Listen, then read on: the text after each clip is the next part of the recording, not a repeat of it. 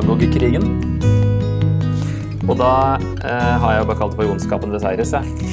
Eh, men Gog og Magog, er det noen som har hørt, om, eh, disse, hørt disse to ordene før? For det her tror jeg er liksom, Man snakker ikke om det her lenger. Eller faktisk så gjør man det igjen nå. Akkurat nå. Jeg tok et uh, søk. Google, uh, Google røper hva som skjer i verden. vet du. Did the prophet Ezekiel predict Russia's invasion of Ukraine? Så nå knyttes denne krigen her på Russland. Nå skal vi se hvorfor. Det har det vært gjort før òg. Så han som svarer her, han Dr. Brown, han svarer nei. Det gjør de ikke, men det er i hvert fall noen som har spurt han. Og så er det en som heter Pat Robertson. Han er jo en sånn TV-predikant, tror jeg. Says Putin was compelled by God to invade Ukraine to fulfill Armageddon prophecy. Så han mener Gud, dette er den krigen som liksom skal skje før Jesus kommer igjen og Gud som har fått Russland til å angripe Ukraina. Helt hårreisende uttalelse. En annen nettside hadde da definert det sånn. The invading armies i boka her altså include Russia and Turkey from the north, Sudan, Libya, possibly including Algeria and Tunisia from the south and west, and Iran from the east. At de skal slå seg sammen og angripe Israel, da.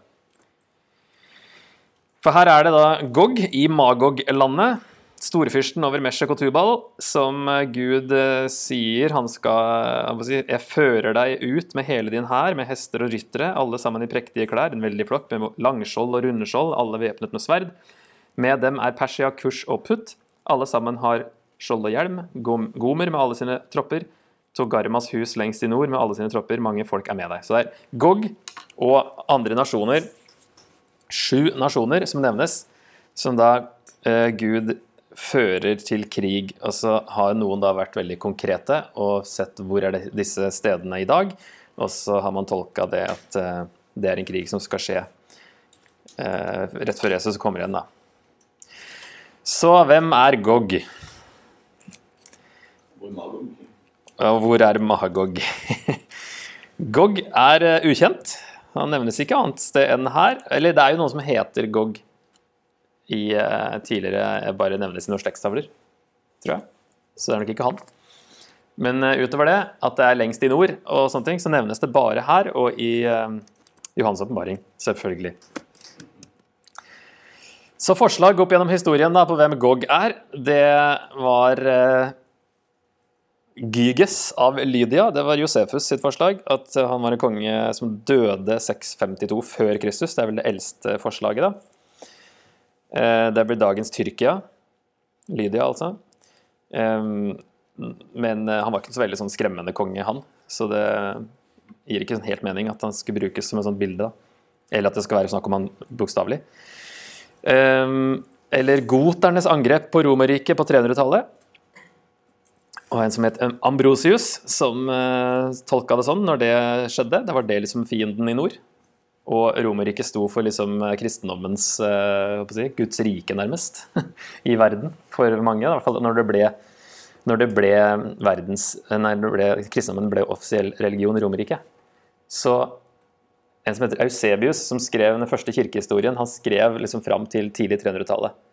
Da eh, kristendommen ble i hvert fall anerkjent og godkjent, og så ble den jo offisiell senere da, som statsreligion. Men men han ser på det nesten som at Guds rike har kommet, og nå er vi liksom enden nær nå, fordi nå er Romerriket blitt kristent.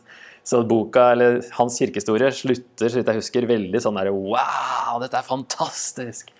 Og da, Hvis man hadde den tankegangen, så ville man se på all angrep, spesielt fra nord, da, at det ville passe med Gog, som angriper Guds folk. Eller så etter hvert så ble det araberne, muslimene, da, på 600-tallet, når de angrep. Jeg vet ikke om de kom nordfra, men i hvert fall så er det blitt kobla på dem eh, og mongolene på 1200-tallet. Og tyrkerne på 1500-tallet. Det var Luther som eh, mente det kunne være det. Og så ble det Russland fra 1850. Da var det en krig der de først kobla det på Russland. Eh, det var, borte, det var om i Israel, eller Palestina, eller hva det kaltes den gangen. Men det var hvilke rettigheter kristne minoriteter skulle ha i Det hellige land. Når det egentlig var tyrkerne som styra der. Og så ble det noe krig, og så var Russland da innblanda og kobla sammen med, med, GOG her. Og også på 1900-tallet.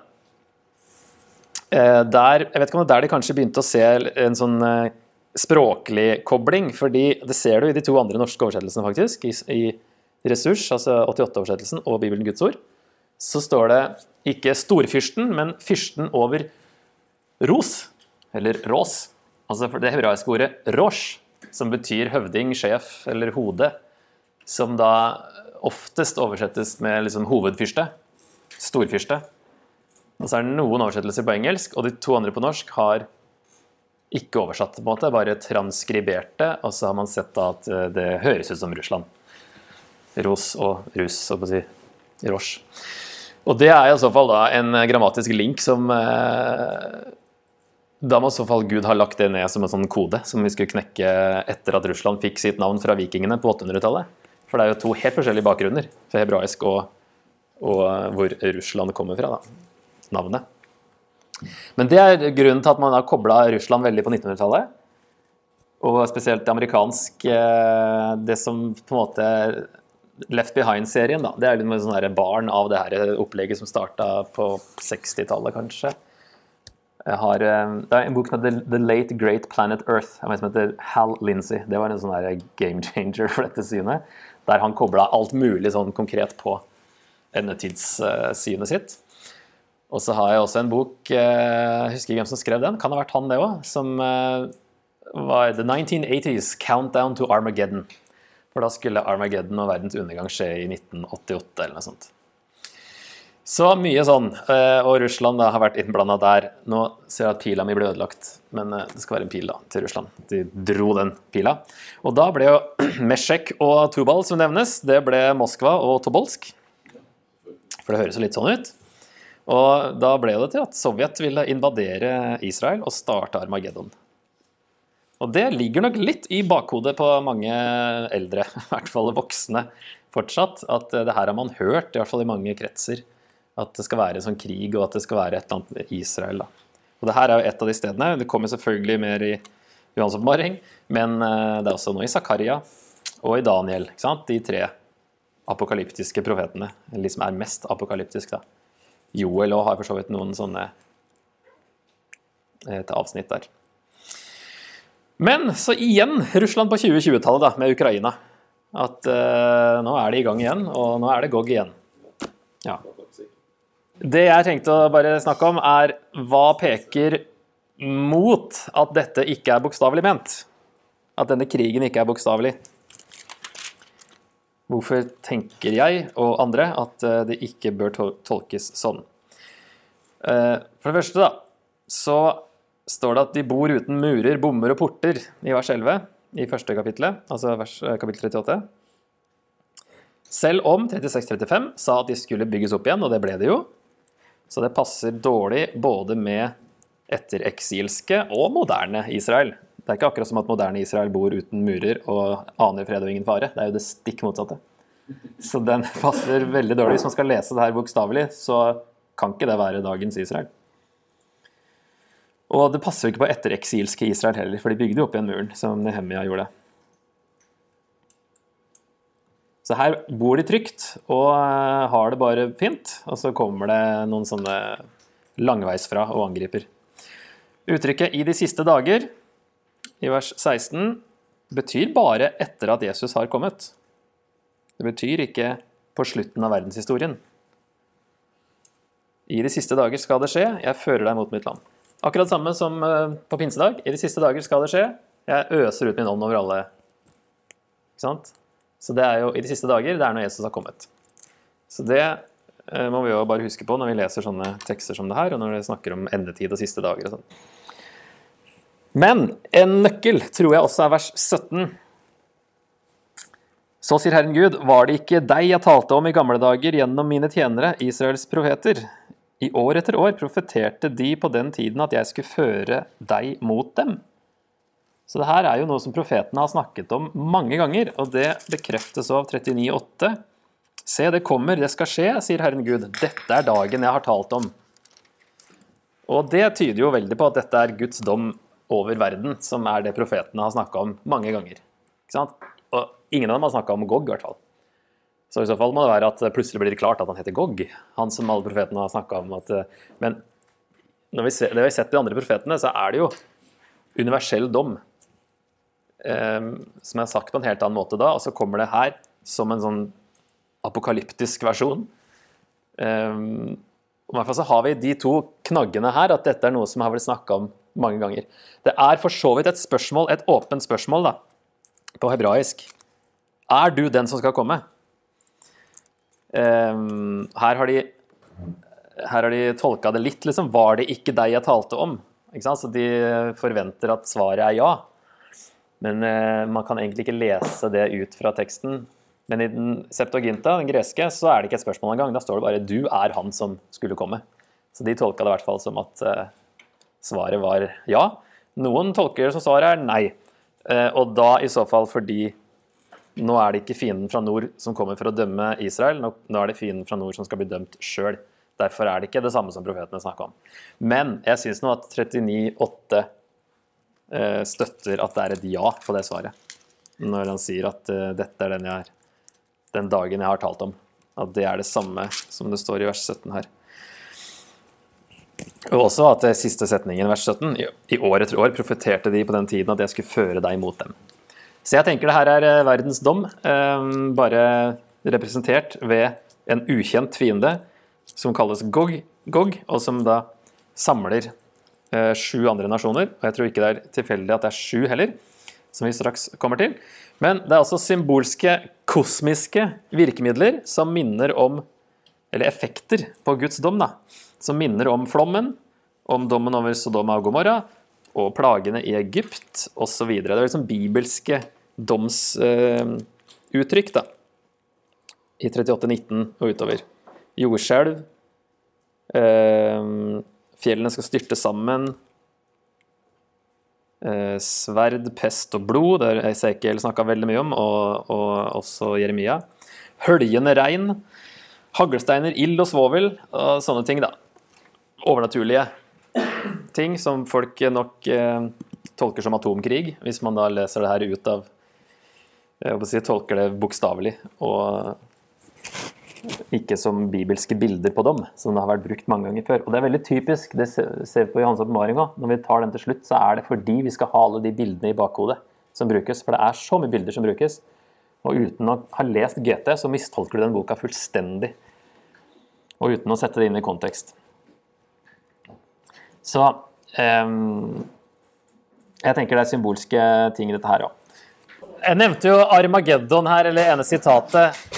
Et ord som trekkes inn eh, i sånn endetidssyn, da. Men det er jo, det er jo bare i hans oppmaring det nevnes.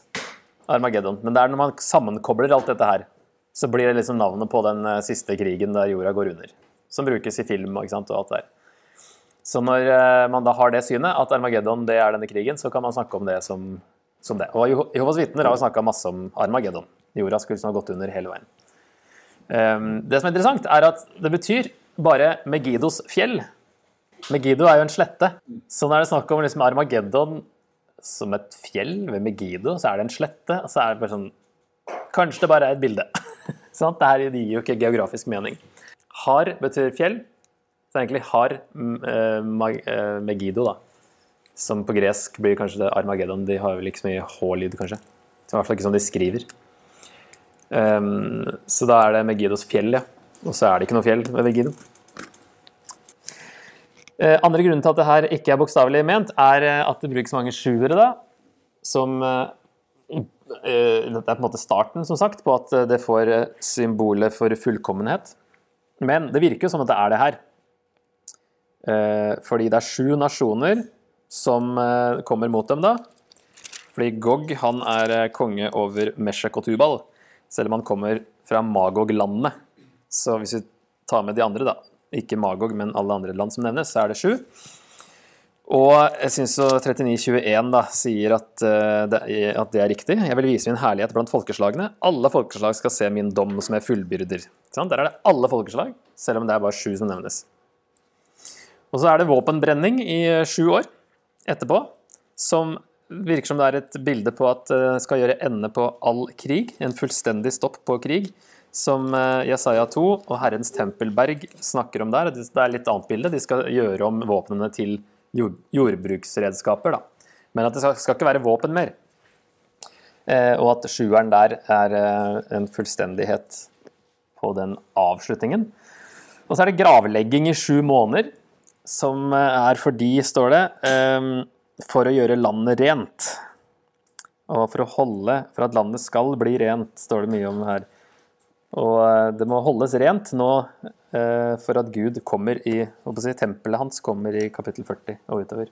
Så derfor må det holdes rent. Så det er en sjuer der. Og så er det også litt mer skjult at eh, det står 'Så sier Herren Gud' sju ganger. Så det her 38-39 består egentlig av sju utsagn. Med 'Så sier Herren Gud', og så kommer det et avsnitt. Så vi kan finne alle de, så er det også sju. Og eh, her er det kanskje for en gangs skyld litt nytte å hente da, fra Johans åpenbaring, men eh, alltid litt sånn skeptisk å gå dit for støtte når det gjelder Nytestamentet. Men i hvert fall sånn det tolkes der. Det eneste andre stedet Gog fra Magog nevnes, der er det for så vidt da gjort om selvfølgelig til Gog og Magog. Så det er ikke helt det samme, men ordene nevnes da i åpenbaringen 20. Som beskrives der, at Gog og Magog det er det samme som folkene i alle fire verdenshjørner.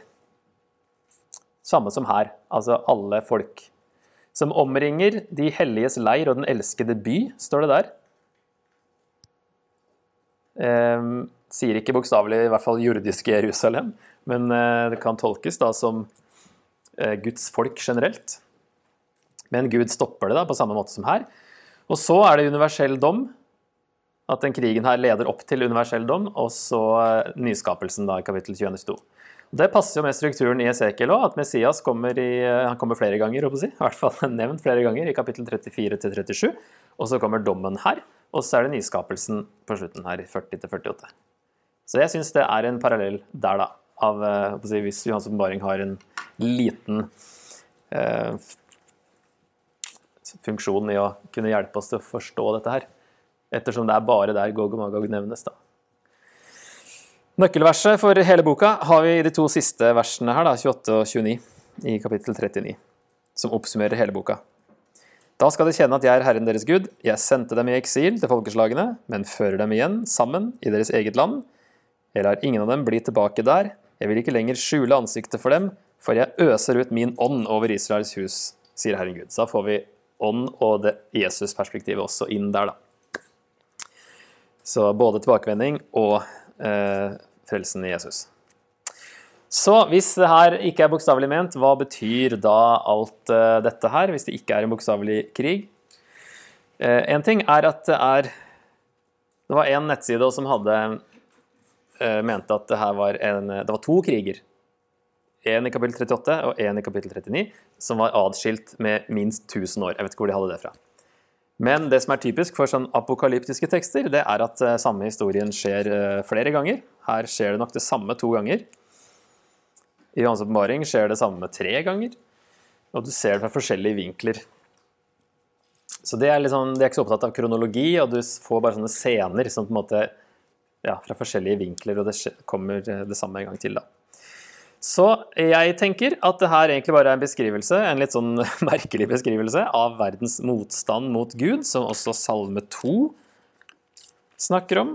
At uh, Hvorfor er folkeslag i opprør? Hvorfor grunner folkene på det som er forgjeves? Jordens konger reiser seg, fyrstene slår seg sammen mot Herren og mot Hans salvede. Han som troner i himmelen, ler. Han, Herren spotter dem bare ler av denne trusselen her, da. Men eh, det er det her at folkeslagene i opprør mot Gud, eh, som her representeres ved sju fjerne, ukjente fiender fra lengst nord, Lille-Asia eller Armenia, altså Tyrkia, Armenia, det området, lengst sørvest i Afrika og langt øst i Mesopotamia. Kanskje Iran, da, som noen påpeker at det er dagens Iran. Men det her er liksom lengst unna Israel, som de kjente til. De kjente ikke til disse fiendene, men hadde kanskje hørt om dem, og litt sånn derre eh, frykt av rykte, på en måte, da. Så vi må jo tenke på hva betydde det her for Esekiels eh, lesere og hørere, når de hørte disse områdene. Heller det enn at vi skal finne ut hvor er det i dag, og hvordan kan vi koble det på nyhetene. Vi må huske på første leser, spesielt på sånne tekster som det her. Så poenget tenker jeg, er at når Gud til slutt gjenoppretter sitt folk til den fullkomne relasjonen i 37, kapittel 37, 28 til, nei, 24 til 28, vil det aldri igjen være noen fare for at denne freden og velsignelsen vil bli truet eller ødelagt. De skal komme hjem, og de skal bli beskyttet når de kommer hjem. De vil være trygge for alltid. Kapittel 34-37 kan ikke omgjøres. Nå kan det ikke snus, det som Gud lover nå. Fordi selv alle disse her fiendene som da beskrives her, ingenting kan eh, gjøre noe med det Gud har lovt, og det Gud holder på å gjøre. Sånn som Salme 2 sier, Gud, eh, at Gud bare ler av denne trusselen her. Og det var litt spesielt å eh, studere de kapitlene her akkurat nå, i lys av at det er litt oppe i vinden igjen, og folk er redd for en tredje verdenskrig og sånne ting. Og at det er det som beskrives Ja, eller at, at det som skjer i Ukraina, da, er starten på det. Men jeg, som nevnt i pausen til noen av dere, altså jeg, jeg, sliter med å se at det skal være en tredje verdenskrig før Jesus kommer igjen. Og jeg tror i hvert fall vi ikke trenger å frykte en tredje verdenskrig før Jesu gjenkomst. Hvis det skal skje når folk aner fred og ingen fare, som 1. Eh, Tessaloniker 5, tror jeg, sier. Og komme som en tyv i natten. Um, Krig er fælt likevel, um, men det var på en måte oppmuntrende da, å studere det her.